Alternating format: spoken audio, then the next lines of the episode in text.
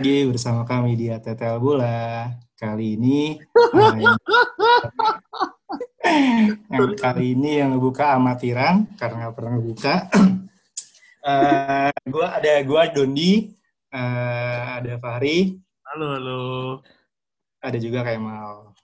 Ya, Ya. Nah, sekali Jamet tidak bisa hadir kali ini karena ada force major, jadi ya kita buka aja lah, kita jalankan aja lah.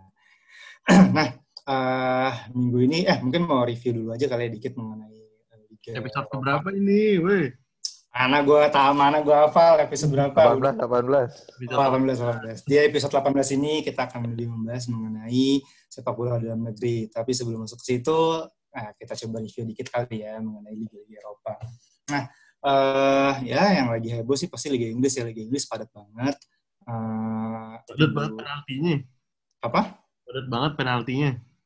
Eh, itu juga satu. Eh, sama ya itu Carabao Cup jalan terus kan udah dua minggu selama week, eh, midweek nih jalan terus semalam baru kalah tuh si Chelsea sama Tottenham Hotspur Eh, itu doang sih paling yang selebihnya nggak terlalu hal yang bisa di highlight sih minggu ini tetap jalan lagi sebelum international break ya salah international break itu minggu depan Ya, itu tuh dari Betul. Jair Berak. kenapa Jair Berak tengah pertandingan. Oh iya iya berak pertandingan tuh lumah. kayaknya emang si Mourinho nih eh, jiwa-jiwa dramanya setelah di eh, liput sama Amazon Prime makin kenceng deh anjir banyak banget Itu, tingkahnya dia. itu udah ada skripnya itu dari Prime Iya itu. anjir. Coba banget. Biar biar naikin penonton. Terus apalagi ya paling eh, Liga Spanyol juga ya masih belum terlalu banyak eh, li- eh, pertandingan yang heboh. Liga Italia masih masuk ke pekan kedua, pekan ketiga. Eh, sejauh ini belum ada eh, klub-klub yang apa ya, yang kayak ya standar lah Juve masih menang lah, seri lawan Roma, Inter menang lawan Fiorentina gitu. Jadi masih banyak yang bisa jadi highlight juga sih paling. Eh, langsung aja lah kita masuk ke liga dalam negeri, sepak bola dalam negeri setepatnya. Nah, Kayak kemarin baru heboh nih, tadinya kan rencananya Liga 1 akan bergulir lagi setelah pandemi, nggak setelah sih, masih pandemi, cuman tadinya mau ada rencana untuk tetap dijalankan eh, bulan Oktober ya, Pak ya, rencananya awalnya ya.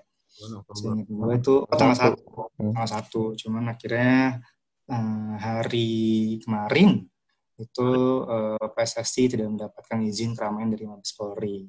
Gitu. Nah, ya ini banyak banget pro kontranya juga sih eh, karena memang di satu sisi dari sisi kesehatan juga kita ngerasa bahwa gue pribadi ya ini kita ngomongin pendapat pribadi dulu lah. Pribadi sih gue setuju lah mengenai hal ini. Karena emang ya sebenarnya pertandingan sepak bola mau kita nggak ada penonton pun ya mengundang keramaian gitu. Hmm. Eh, sebenarnya bukan karena di stadionnya bahkan bisa bisa dibilang akan lebih ramai di jalan daripada di stadionnya kan. Gitu. ya tapi ya emang yang perlu yang perlu di eh, yang bikin kecewa tuh mungkin ya mendadaknya inilah gitu. Karena banyak banget klub-klub yang udah latihan banyak klub-klub yang udah mungkin yang tadinya eh, Beto Gonçalves tadinya udah sempet di Brazil cuy. Dari bulan apa tuh dia? Dari Iya. bulan April gitu kan terus dia berbalik ya karena mau kompetisi gitu kan kalau dia kayak gini kan jadinya ya percuma juga dia balik itulah salah satu contoh gimana kalau menurut kalian eh, hasil keputusan ini gimana nih Apa nih? Fahri, Lu apa gua? Fahri duluan. Gua. Kalau dari gua sih sebenarnya eh, gua eh, gua salah satu yang eh, menganggap bahwa Liga 1 ini nggak perlu dilanjutin lah gitu. Pertama karena game week-nya baru dimulai sedikit banget ya kan. hmm. Gua jujur baru aja tiga ya? Kalau nggak salah baru baru belum sampai belum sampai lima game belum belum belum sampai lima game week apa kalau nggak salah? Iya belum nyampe kok. Masih masih sedikit banget pertandingan dan dan baru tiga baru tiga. dan kalau misalnya Hmm. emang mau dijalanin lu bayangin eh, mereka berharap kelar di awal bulan depan di bulan Maret gitu. Lu main dari Oktober sampai Maret wah sepadat apa tuh ya kan jadwal pertandingan Hmm. Nah, jadi menurut gua ya udahlah mending dibatalin, uh, di void aja, dibikin di next di, di tahun depan. Jadi langsung Liga Ya, 1 ya. 2021. Faktornya banyak sih dan menurut gua karena ya kelihatan ya jelas lah ya gitu. Uh, Karena kita nggak bisa bohong nih bahwa sepak bola kita itu uh, mobilisasi masanya gede banget gitu. Oke, yes kayak kemarin nih Persija cuma friendly match lawan latihan aja. Iya, iya, cuma cuma latihan sama friendly match sama lawan Bayangkara FC di lapangan di Tangerang Selatan itu yang nonton juga lumayan gitu loh, ngiterin lapangan.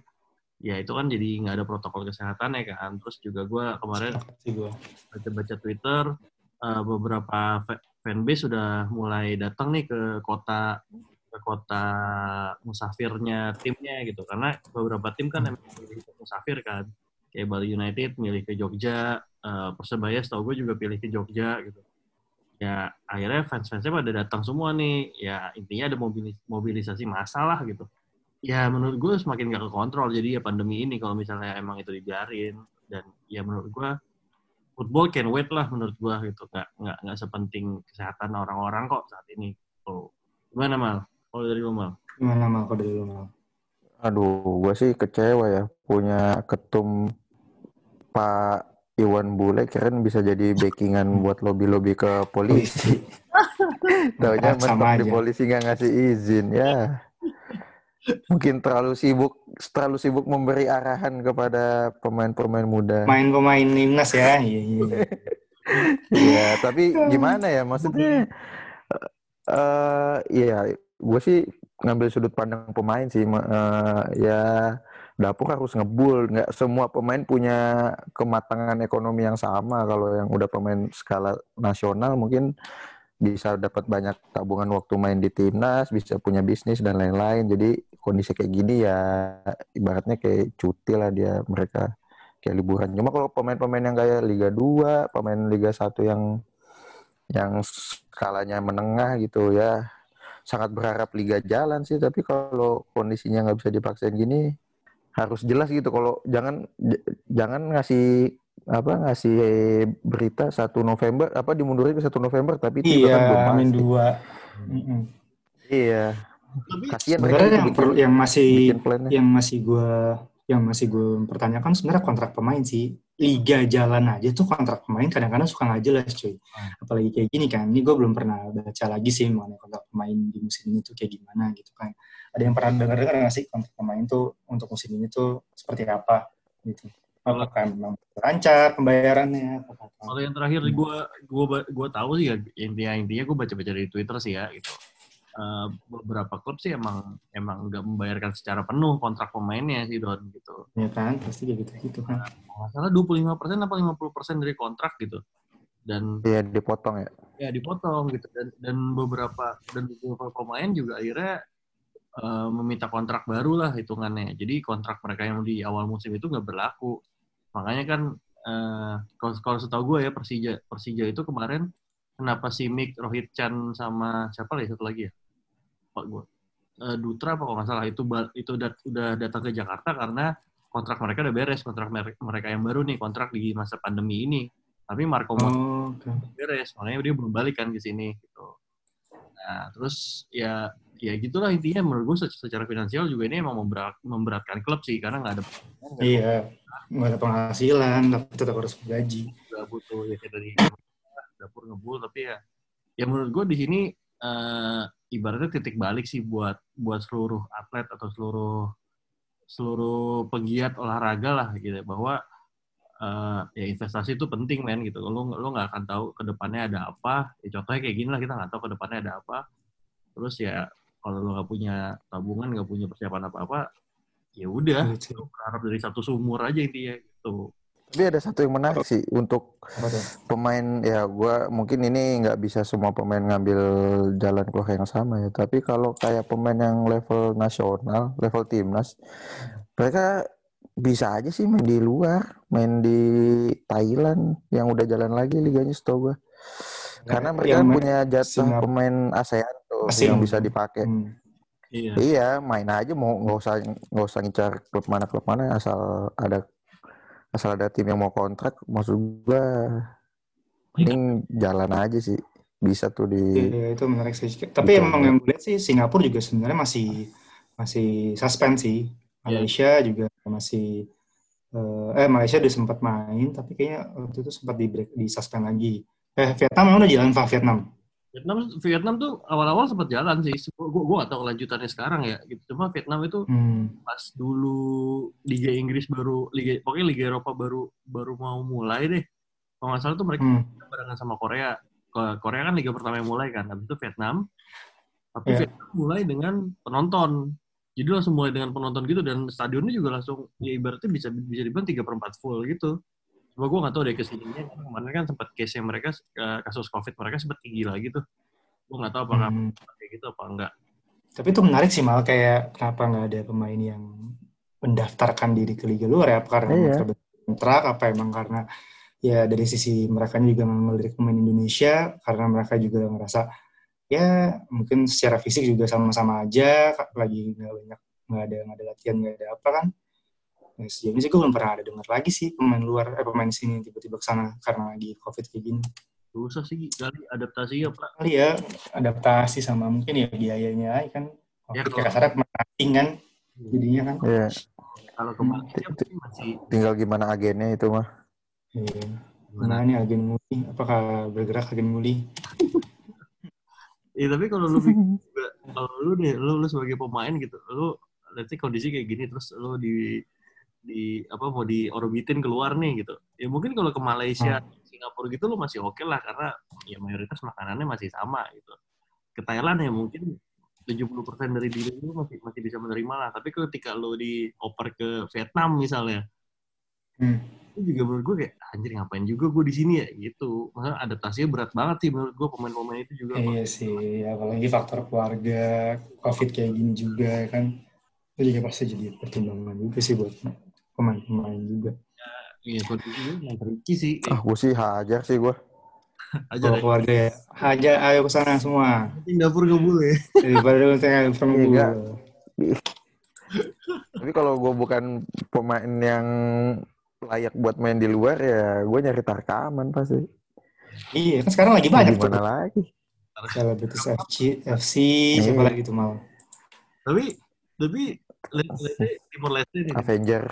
Timor Leste kan eh, lebih lebih kasusnya lebih lebih stabil lah ya dibanding kita lebih ke kontrol lah gitu dan kalau nggak salah juga Hmm. mulai kalau lu lu misalnya lu jadi pemain ke Timor Leste mau gak Liga Timor Leste gue nggak tahu sih sepak bola kayak gimana tuh liganya. Yang tahu sih duitnya gede ya. Ah, gua yang penting duit, mm-mm. duit duitnya masuk ya mah hitungan mah. Duitnya masuk udah lah. Berangkat lah. Dekat juga kan. Eh, dan aku udah kayak gini mah mau gimana?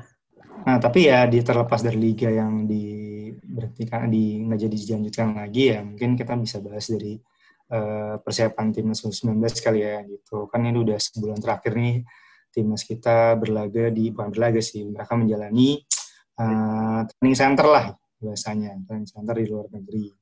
Nah, ya ini buat persiapan apa sih? Gue lupa deh eh, turnamen itu U19 harusnya Piala Asia seharusnya. Asia ya, sebenarnya. dibatalin sama AFC Hmm, cuman ya terlanjur eh, karena udah persiapan. Ya udah di sana juga udah di Eropa. Iya udah keburu di sana gitu kan. Ngapain lagi Nah, cuman ya penting bisa di highlight ya itu. Eh, ya pertandingannya pun juga kan disiarkan di Mola TV kan. Nah kita juga bisa melihat nih pemain-pemain Indonesia kayak gimana. Gue sejujurnya cuma nonton yang waktu itu mereka lawan eh, apa sih yang yang sempat seri itu jadinya tuh? Saudi Arabia Tiga- ah, Arab ya? Oh Arab. Iya itu tuh, gue tuh kelihatan sih, kelihatan tuh kalau misalkan gue baca-baca eh, hal yang bisa di highlight karena kan dulu penyakitnya pemain timnas kan fisik ya, fisik tuh dalam artian gampang capek lah, menit 70 ke atas tuh udah pasti kebombardir lah jadinya kan, entah itu Hmm. jadinya kebobolan, entah itu jadinya malah kebobolannya makin banyak gitu kan. Cuman ya kalau dari eh, ngelihat dari banyaknya review orang-orang sih ya, karena gue kan juga nonton paling satu pertandingan tuh juga paling setengah jam, atau babak kedua, ya akhirnya jadinya kelihatan fisiknya tuh di pertandingan di menit-menit akhir malah um, ya nggak nggak separah dulu nggak se nggak se ngedown dulu ya sekarang lebih lebih fighting spirit itu makin ada lah gitu jadi ya akhirnya itu salah satu yang bisa dibuktiin ya bisa mengejar dari tiga kosong jadi tiga sama Hmm. gitu itu salah satu hal yang bisa diambil positifnya dari persiapan 19 di masa sekarang sih Shin Taeyong itu otaknya kalau nggak entah ya otaknya mungkin tapi secara pemain ada yang ini nggak ada yang kalian nggak denger kayak ini bagus banget lah selama TC ini nih Eh, Masih masih muka lama sih. Belum luka lama ya, Bang? Si Witan, Witan sama Rizky Rido kalau gua ngeliatnya sih. tapi Yang paling dominan ya kelihatan. Witan apalagi nggak pernah lepas dari starting. ya Andalan mulu. tapi kalau gue ini sih mal yang menarik mal si Hmm. Matahari sih mal malah Siapa? Siapa? Brave Brave Fatari. Oh, Braif. Nah, ditemuin sama Denny apa Dennis Wise tuh. Iya. Nah, itu menurut gua unik sih dia. Eh, ya fisiknya nggak nggak nggak kayak anak U19 Indonesia pada umumnya dia lebih gede gitu dan eh, di di bawah Sintayong ini dia di posisinya lebih nyerang jadi striker dia kan seharusnya ber, apa gelandang tuh pemain tengah gitu tapi di, ditaruh jadi either jadi CAM atau jadi striker gitu dan menurut gua mainnya oke Oke sih, dia kalau gue lihat dari Garuda Select juga ya punya inilah punya karakter buat buat jadi pembeda gitu. Tapi seringnya kan dia masuk dari cadangan kan. Iya. Tipikal-tipikal super sub juga sih. iya Ya itu juga Jack lah Brown nama gimana Jack Brown? Jack Brown belum Jack main. Brown Gue cuma gimana Jack main Brown? terakhir. Setahu gue dia main di dua terakhir deh. Iya. Tapi gue juga nggak pas nggak nonton sih. Hmm, Jack Brown belum belum tampil banget sih bahkan kelihatan sih ya. kalau nggak salah si Andre Andre Octaviansyah juga belum main deh kalau setahu gue buka Eh, lama belum. di U16 dulu ya ya intinya sih sebenarnya masih masih diisi buka lama sih kayak Bagas gitu gitu ya maksudnya yang yang bersinar ya menurut gue gitu tapi tapi kalau dari segi permainan menurut gue emang ya kayak tadi lu bilang sih Don dari tiga dari tiga kosong jadi tiga tiga maksudnya kita kan terbiasa sebagai supporter timnas Indonesia Iya, pesimis lah kalau udah menit 70-an ah, paling ntar nih jadi jelek, bobolan. Kalau gue bukan bukan pesimis sih, tapi eh, kita tuh terbiasa di comeback lah hitungannya gitu. Dari kita Oh, oh, terus jadi satu sama ya kan di hmm. menit di atas 80 lah hitungannya. Nah ini ini kita yang yang ngejar gitu, kita yang comeback. kita malah ngejar. Eh, jadi menurut gue ya mental mereka sayangnya bagus sih, fisik dan mental ya. Gitu. Dan kalau gue lihat emang dari kemarin terakhir lawan Dinamo Zagreb U19 ya kalau nggak salah. Menang lagi kan? Menang, menang satu Menang, menang. Menang satu Satu kosong. emang emang ya hitungannya ya nggak takut sama sama orang bule sekarang gitu mereka mereka itu Iya, padahal posturnya jauh banget loh. iya posisi Hmm. arah gitu ya bagus lah menurut gue Sintayong ini Iya. Jam terbang di Garuda Select juga kelihatan sih kalau gue lihat mentalnya nggak. Ya, gue kan nonton tour di Kroasia ini kan gue sebenarnya nontonnya awal-awal doang tuh. Tapi emang di awal kan permainannya kayaknya kayaknya soal adaptasi lingkungan dan cuaca. Jadi yang awal-awal di bantai 7-1 terus kalah 3-0 sama Bulgaria kan Iya, setelah Itu itu kan apa ya? Oke kan? Iya iya, lawan Bulgaria lu lihat babak pertama tuh sengaja banget untuk parkir bis untuk apa bola dikasih semua ke Bulgaria karena eh, kayaknya instruksinya biar Bul- kita lihat dulu cara mainnya Bulgaria kan. Tapi dari situ kelihatan ada improvement walaupun menurut gua masih belum cukup buat berbicara banyak di Piala Dunia. Masih banyak faktor tolaknya sih kalau gua bilang. Waktu lawan Qatar tuh menang 2-1 ada faktor blunder juga. Padahal penguasaan permainan Iya. ada di Qatar Kita juga yang kita juga sama juga pemain gol pemainnya golnya iya gol lemparan ke dalamnya juga ya itu bukan bukan yang bisa dipakai terus menerus lah. Roni Della? Masih banyak. Titisan Roni. Titisan lah banjir yang parahnya jauh banget. beda beda kalau ngeliat Luis Milla tuh kalau pas zaman Luis Milla tuh kelihatan dari cara mainnya juga ada ada sesuatu yang bisa di- bisa dijanjikan gitu kalau Sintayong gue masih belum lihat pola mainnya sih cuma sekedar Iya, fighting kalau spirit kayaknya aja iya.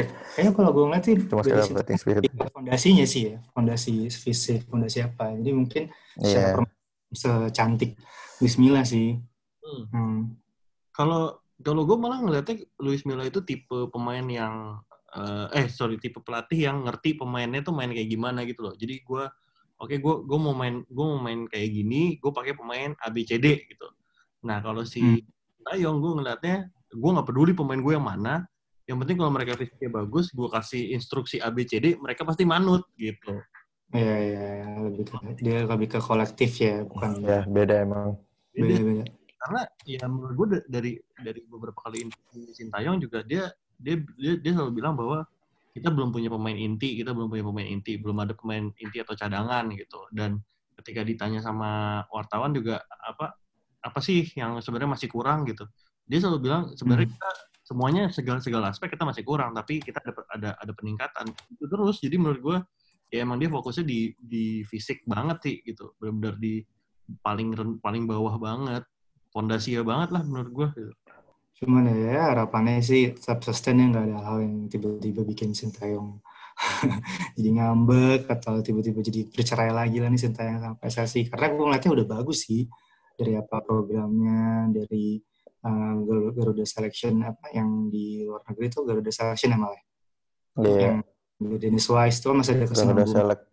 Hmm, Heeh. Select Iya. itu juga ada kesinambungan bagus sih menurut gue ya ya fondasi maksudnya kan dulu kan kita selalu bilang ya kita kurang pembinaan apa segala macam kan sekarang nih udah terbangun lah dari U16 U19 ya harapannya nggak kepotong sih eh, ke depan ke depannya ke seniornya biar Iya. bisa dari- juga.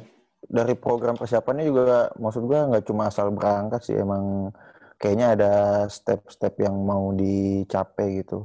Dari sini kan Apalagi kalau nggak salah ke Turki ya. Ke Turki pasti buat ngambil Ma- karakter masih lama nggak sih lawan. masih jauh nggak? eh masih masih banyak nggak sih ininya gue dari tadi nyari agendanya. agendanya? Agendanya sih gua nggak tahu kalau yang apa step-stepnya. Cuma kalau yang gua tahu yang habis dari Kroasia ini ya ke Turki. Jadi gue lihat kayaknya mau Hmm. ngambil cara apa mau ngambil lawan yang ala-ala Timur Tengah kan. Jadi Hmm. jadi akan akan ngambil akan banyak inilah akan banyak nemuin lawan buat ya buat jam terbang nanti sih persiapan. Elkan, Elkan Bagot gabung TC Timnas U19 di Turki. Iya, iya, iya. Itu dia baru mau gabung. Nah, tuh berita terbaru lagi Yang sekarang nggak ikut kenapa ya? Sebelum, Gimana ya? sebelumnya dia Eh, iya. klubnya setahu Masih gue, main. ya klubnya lagi main. Jadi eh antara klubnya lagi main sama PSSI itu izinnya cuma sampai kapan gitu ke klubnya. Jadi ya udah, ya udah lewat dari tenggat waktunya yang PSSI izin ke klubnya, ya dia harus balik ke klubnya. Oh, Ya mungkin PSSI kita masih terbiasa minjem senaknya dengan klub-klub lokal kan gitu. Nah ini ada pemain Ipswich Town nih ya kan. Ya lu bilang sampai tanggal segitu ya tanggal segitu sih saya balikin lah pemain gua gitu. Bagot. Elkan Bagot tuh posisinya apa? Gue lupa. Back, back tengah kan ya? Back. Tinggi banget Don, asli kayak center. Oh, dia jadi abis dari Turki tuh ke sini lagi mah ke Kroasia. Jadi terakhirnya tetap di Kroasia. Hmm. Kalau Kroasia bukannya kalau nggak jadi ya, kalau nggak jadi ke Turki stay di Kroasia ya setahu gua. Cuma kalau kalau jadi Turki Oh, mana, kalau jadi maksud- Turki, kayaknya belum. Ke mana? Oh, iya. Salah sempat ada opsi Portugal juga deh. Kalau nggak salah ya, sempat ada opsi ke sana gitu. Gua nggak tahu deh kenapa kenapa Portugal. Mantap sih tapi ini turunnya. Kalau buat umroh mereka. Banget pasti. Kenapa? Kalian umroh. Gimana eh, kalau U, U, UU yang lain gimana tuh? Belum ada ini lagi ya? Belum ada agenda lagi juga ya? U16 yang lagi. U16. training camp. Hmm. U16 training. Terus ini ya? Atau siapa sih sekarang? Indra. Eh, Apanya? berarti Oh, ini iya. Bima Sakti. Bima Sakti. Oh iya Bima Sakti ding. Bima Sakti bukan Widodo. Balik lagi. Ini lagi yang awal. Senior sih yang nggak jelas. Senior kayaknya hanya cuma nunggu AFF doang deh. Iya harusnya tahun ini kan anjir. Kayak gini juga. Wah, an- hancur lah ini. Maunya COVID tuh nggak semua kena nggak anjir. ya sekarang nggak ada nggak ada yang bisa ngomong gua yang paling kena dampaknya ada Mm-mm. kejadian kayak gini semua semua semua lini semua industri semua profesi kena jadi ya Negara aja resesi bos. ya. Untung. ya kacau lah ini kasihan yang pemain-pemain sih yang yang yang kena dampak kan pilkada doang cuy. pasti ada aja nanti pemain yang jadi jurkam tuh semua apalah disikat nanti kerjaan tapi. Lu inget gak sih di Hah?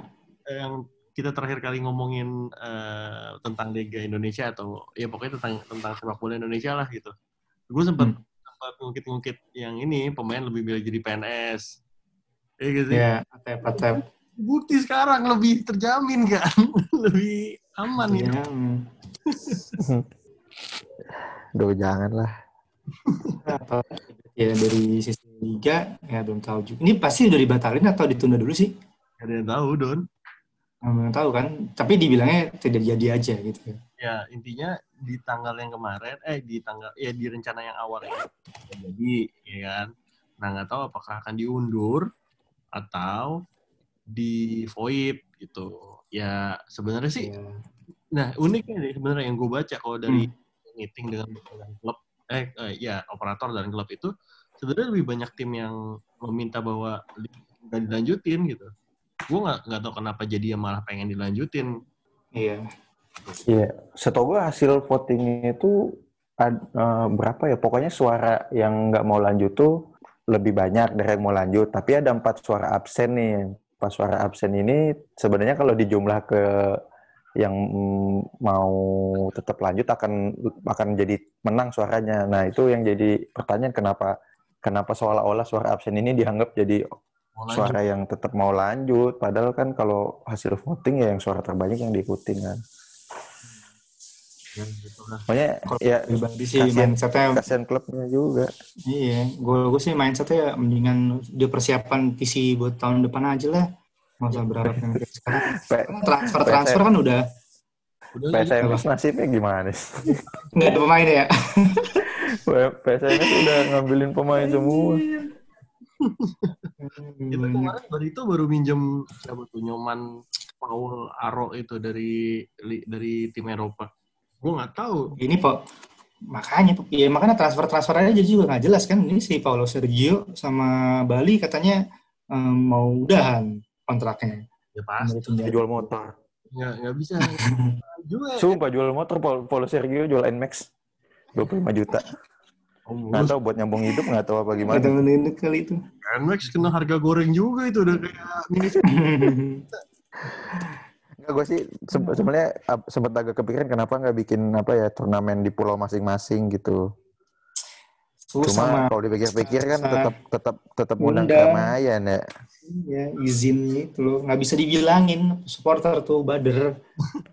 Iya iya iya. Sebenarnya Liga Inggris mah jalan terus ya mereka ya nggak nggak ya nggak tahu sih. Cuman yang gue denger denger ya paling ke, ke pubnya doang. Cuman kan pub beberapa orang sih gitu kan. Tapi Cuma mereka kan kebanyakan di, di sekitar stadion kan perumahan langsung. Nggak ramainya juga gimana gimana. Tapi ya menurut gue sebenarnya kalau misalnya lo baca-baca juga eh, beberapa pekan ini kasus di kasus covid di sepak bola ya di liga-liga Eropa itu lagi lagi lumayan banyak gitu loh. Jadi di Itali eh, di kali ada lagi tuh Ibrahimovic kena jadi ya, Liga Inggris ya gue kena ya intinya olahraga sepak bola ini sebenarnya beresiko tinggi lah di masa pandemi covid. Hmm. dan ya gimana ya susah juga sih. Menurut ada satu tim yang satu tim yang akhirnya gagal eh jadinya di WO kok gara-gara dia pemain tinggal 9 Duh, gara-gara covid semua? Ada ada gue lupa tuh tim apa ya Ya, menur- menurut gue kalau, emang mau dilanjutin ya mau maksa dilanjutin ya bikin sistem kayak NBA gitu lah di bubble gitu lu kumpulin semuanya di satu tempat satu kota dan itu nggak boleh ada yang keluar dari situ iya dari tempat itu Wah Papua sih cocok ya. sekaligus ini tes stadion Papua Bangkit stadion Iya. Bangkit. Papua sih cocok. Naikin ekonomi sana sekali. kalau ngomong itu cuy stadion Pangandaran tuh itu di Kalimantan tengah-tengah hutan gitu aja. Ah ya udahlah eh, dengan Liga Indonesia yang udah nggak tahu je- kejelasannya gimana ya kita cuma bisa ngelihat dari timnas U19 aja lah. Semoga ada hasil yang mereka di TC di luar negeri biar nggak nggak cuma ngabis ngabisin duit negara nggak ada hasilnya tapi semoga ada hasilnya lah. Gitu. Nah, semoga eh, inilah eh, buat persiapan U, U19 juga makin bagus ada hasilnya di tahun depan. Eh, tahun depan kan ya harusnya ya? Eh, nggak jadi nggak jadi ya akhirnya? Jadi? 2021 ya buat buat apa pun lah itulah pokoknya semoga, semoga pasti buat ada ada ada hikmahnya lah buat mereka. Oke lah sip. Thank you guys atas waktunya. Eh, kita jangan tutup. lupa follow. Lupa follow Atata Iya. Bola sekarang Twitter loh. Twitter at ya Instagram ya gitu-gitu aja bos. Yang penting kita coba. Yang penting jalan terus aja. Oke? Eh, thank you Oke. semuanya. ah